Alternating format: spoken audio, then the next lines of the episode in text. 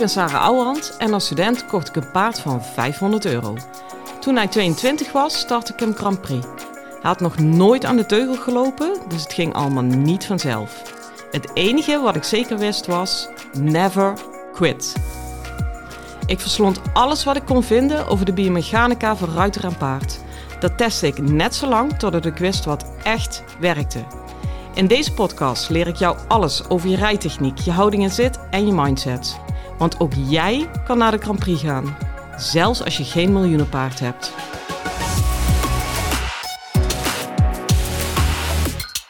Hi lieve paardenmensen. Nou, ik heb het uh, gewoon weer voor elkaar, want ik ben alweer alleen thuis. Het is echt uh, ongekende luxe deze week. Mijn uh, man is twee avonden de hoort op. Wel onder luid geklaag, want het is voor vergaderingen, maar dat is vooral dikke pech voor de kaboutertjes. Maar ik lig lekker met mijn pootjes op de tafel. Na een lange, lange werkdag. Um, ik moest het tussen de verjaardag van mijn dochter doorheen allemaal alle ballen omhoog houden. Ja, dat blijft echt wel een uitdaging. Maar goed, weet je, daar heeft uiteindelijk iedere moeder mee te maken. Dus ik ga je maar niet vervelen met het gezeur over mijn spagaat. En uh, sowieso, weet je, als je kindjarig is, het is gewoon een feestje.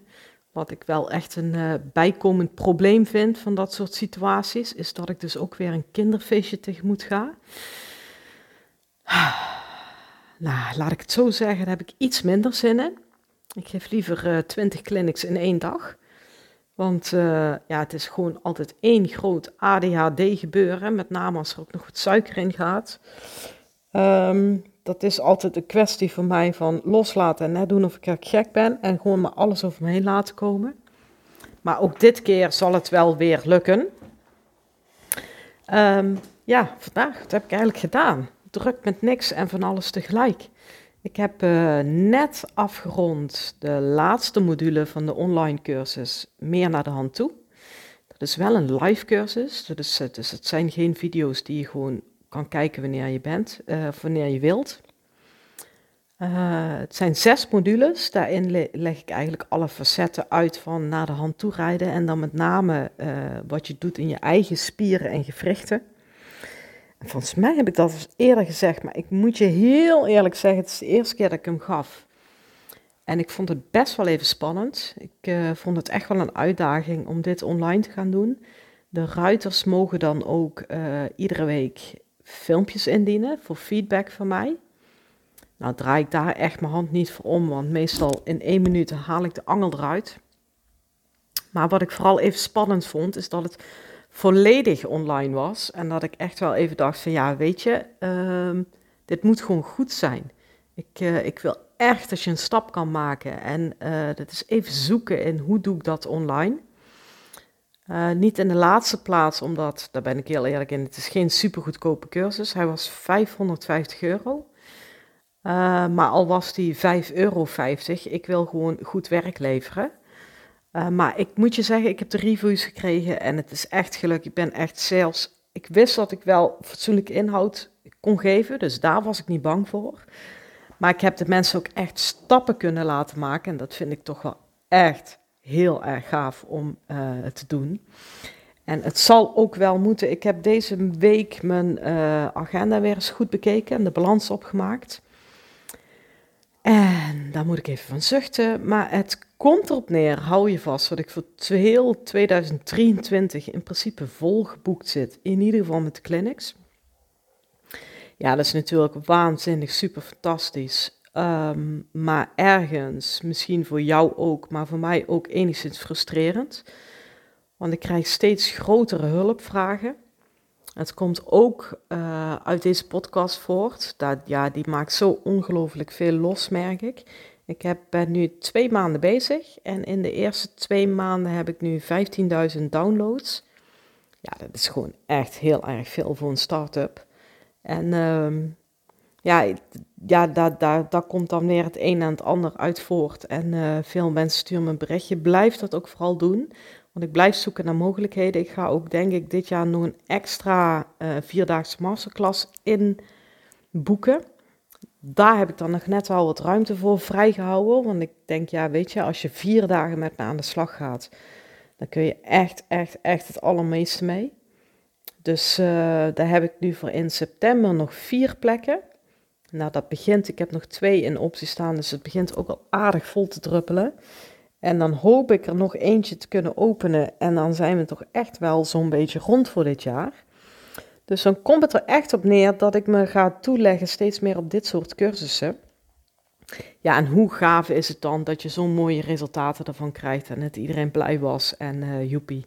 Ik hou die clubjes ook bewust klein, maximaal 10 ruiters, omdat ik ze nog steeds individueel wil kunnen bedienen. Um, ja, is gewoon super. Ik, binnenkort open ik weer een nieuwe ronde hoor, dus hou het even in de gaten. Maar uh, voor nu wil ik je eigenlijk meenemen in een stukje wat ik vanavond als laatste heb behandeld. Uh, je moet je voorstellen, dan heb ik eigenlijk het hele ruiterlichaam ben ik nagelopen en ook de voorwaarden van het paard. Maar dan moet het uiteindelijk wel allemaal samenkomen, want paardrijden doe je niet in losse delen, paardrijden doe je in één geheel. En ik heb tot slot een belangrijke tip meegegeven die ik jullie nu ook al mee kan geven en dat is als je het nou allemaal moet samenbundelen in één gevoel, waar zit dat nou als je naar de hand toe rijdt? Wat heb je daar nou echt voor nodig? Nou, en dat zit dus, dat is een open deur. Maar ja, deuren kun je soms niet vaak genoeg open trappen. In genoeg impuls van achteruit. Maar dan heb je natuurlijk meteen een heel gevaarlijk gebied. Want wat is nu werkelijk impuls? En uh, daar zit een persoonlijk frustratiepuntje van me in, dat moet ik heel eerlijk zeggen. Omdat ik ook heb gemerkt dat het gemiddelde jurylid daar toch ook weinig kaas van heeft gegeten. Want de essentie van impuls is dat het niet over het tempo gaat. Gewoon niet. Wat wel zo is, dat het tempo een middel kan zijn, of niet kan zijn, een middel is om impuls te checken, impuls op te wekken, uh, hè, hoe je het ook allemaal wil zeggen. Maar als ik het omdraai, er zijn echt wel zat paden en vooral kleine ponies kunnen dat heel goed. Die kunnen heel snel in de benen zijn.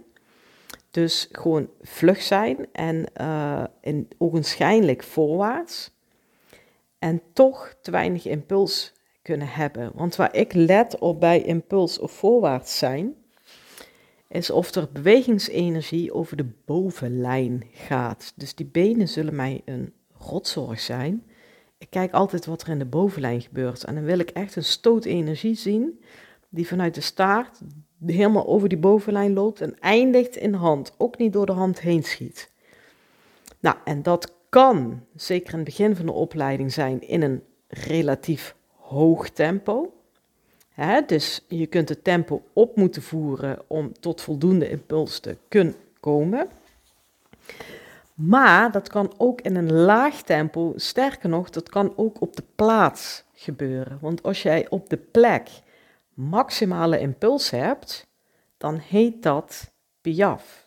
En dan kom je echt qua tempo 0 meters vooruit. En dan heb je toch de maximale impuls. Uh, en ik zou zo graag willen dat, dat meer mensen daar meer van doordrongen zijn. En eigenlijk vooral ook de juryleden. Want bij mijn paard, hij is klein, hij is flegmatiek.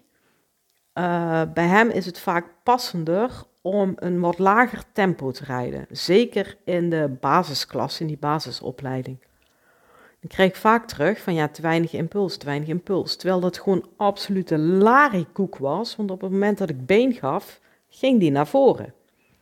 Weet je, als hij stilstaat en ik geef been en hij draaft meteen aan, dan had hij dus in dat stilstaan voldoende impuls. Snap je? Uh, maar ja, weet je, het is heel erg moeilijk in ruitergevoel zoeken van ja, wat is nou echt het juiste tempo en waar komt hij nou echt aan de hand?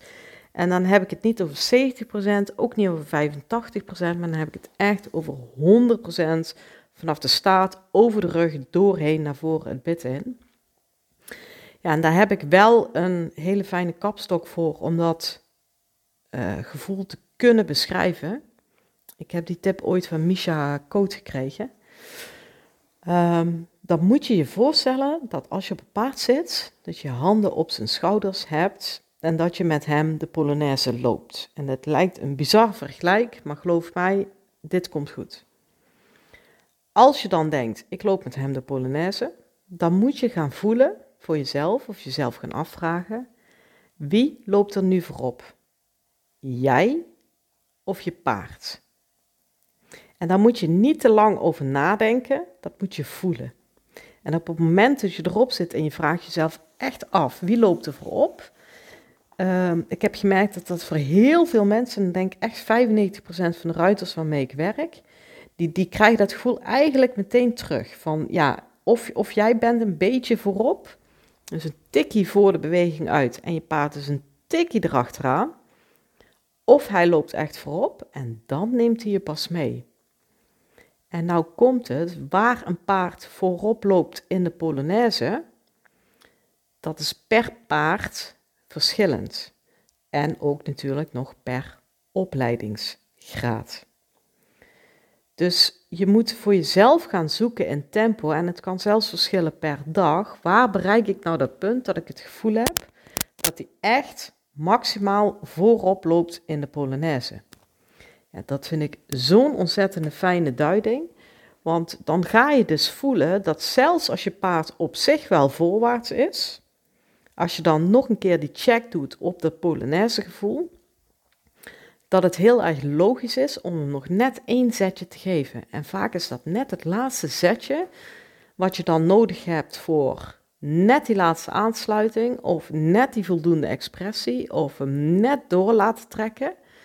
Um, ja, dat is eigenlijk, en het haalt ook, en die vind ik heel erg belangrijk, de aandacht en de focus van het tempo af. Dan, dan ben je eigenlijk meteen, als ik het even plat mag zeggen, van dat geouwer af.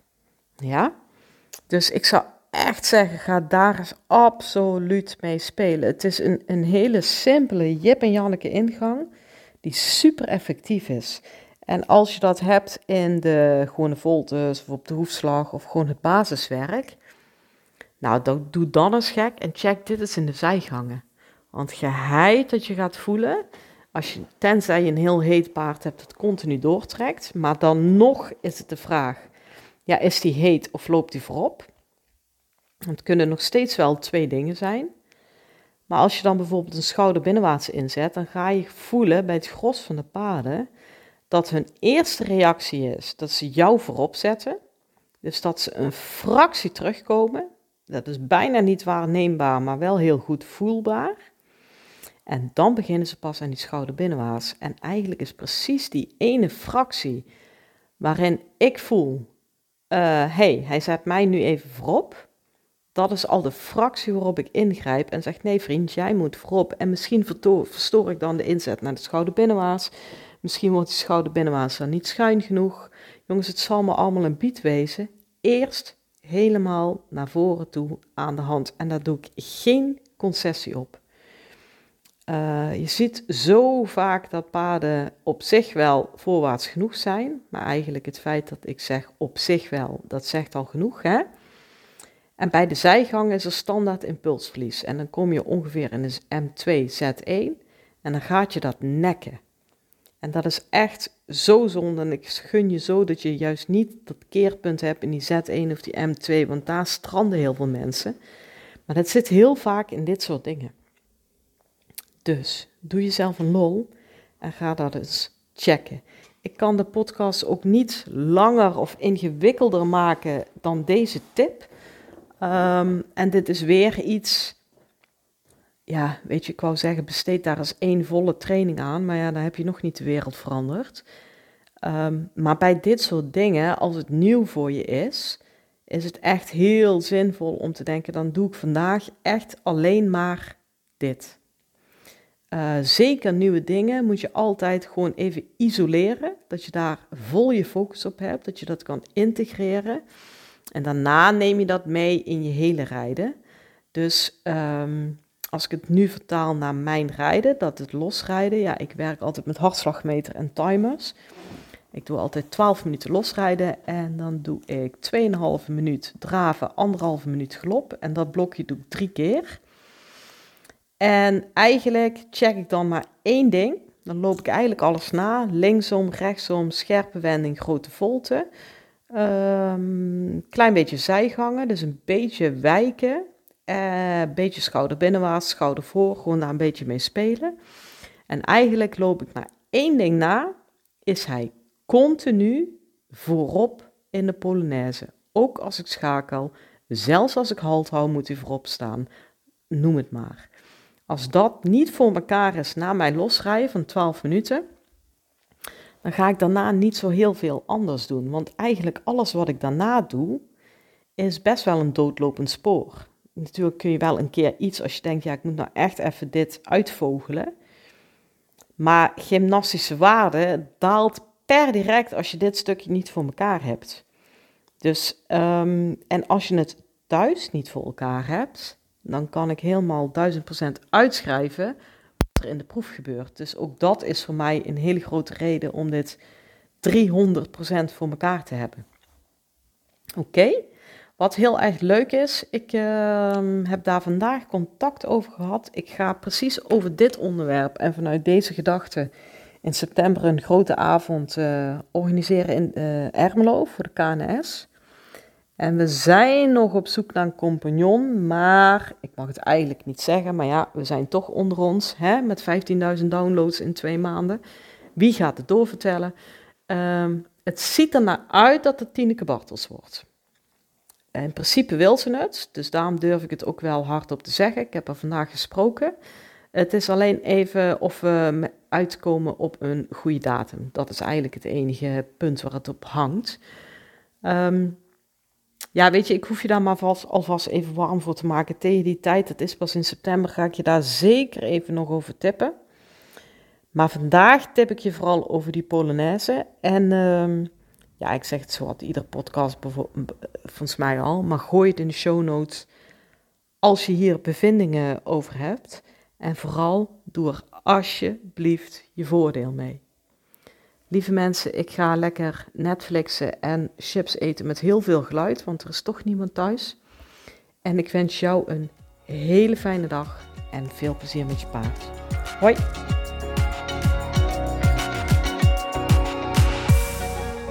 Lieve ruiters, dit was hem weer voor vandaag. Waardeer je mijn tips? Geef me sterren op Spotify en iTunes. Dat voelt voor mij als een dankjewel. En geef je paard een knuffel van me.